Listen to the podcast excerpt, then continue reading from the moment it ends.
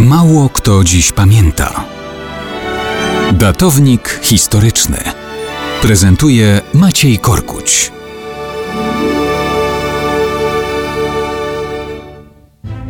Mało kto dziś pamięta, że 11 marca 222 roku cesarz rzymskiego imperium, najpotężniejszy człowiek w tej części świata, rozpoczął podróż w skrzyni.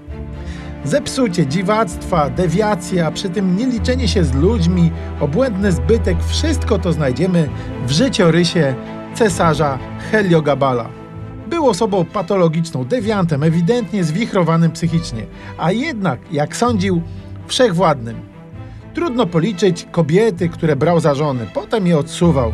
Nie przejmował się, że jedna to westalka, czyli według najświętszych tradycji rzymskich, delikatnie mówiąc, nie do poślubienia a inna już ma męża.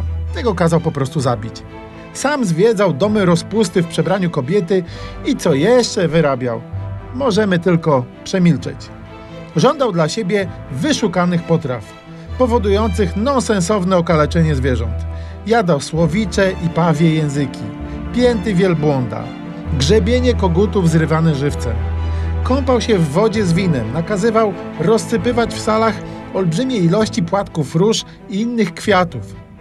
Na różne sposoby naigrawał się z zapraszanych gości, nie licząc się z tym, co zabawne, a co poniżające.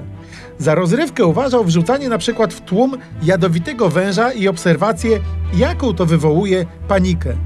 Zwołał senat dla kobiet, aby się zajmowały bzdurnymi sprawami pod przewodnictwem jego matki. Wygłupy i wyuzdane orgie były ważniejsze od spraw państwa. Ale kto zabroni cesarzowi?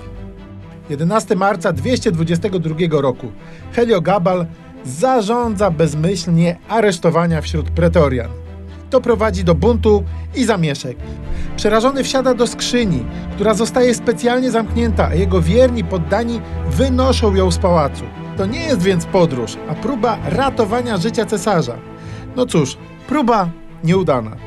Skrzynia została odkryta, Heliogabala mordują, a jego trupa przez cały dzień ciągają ludzie po mieście. Potem wrzucają do Tybru. No tak, to była zabawa rzeczywiście godna żenujących pomysłów samego Heliogabala.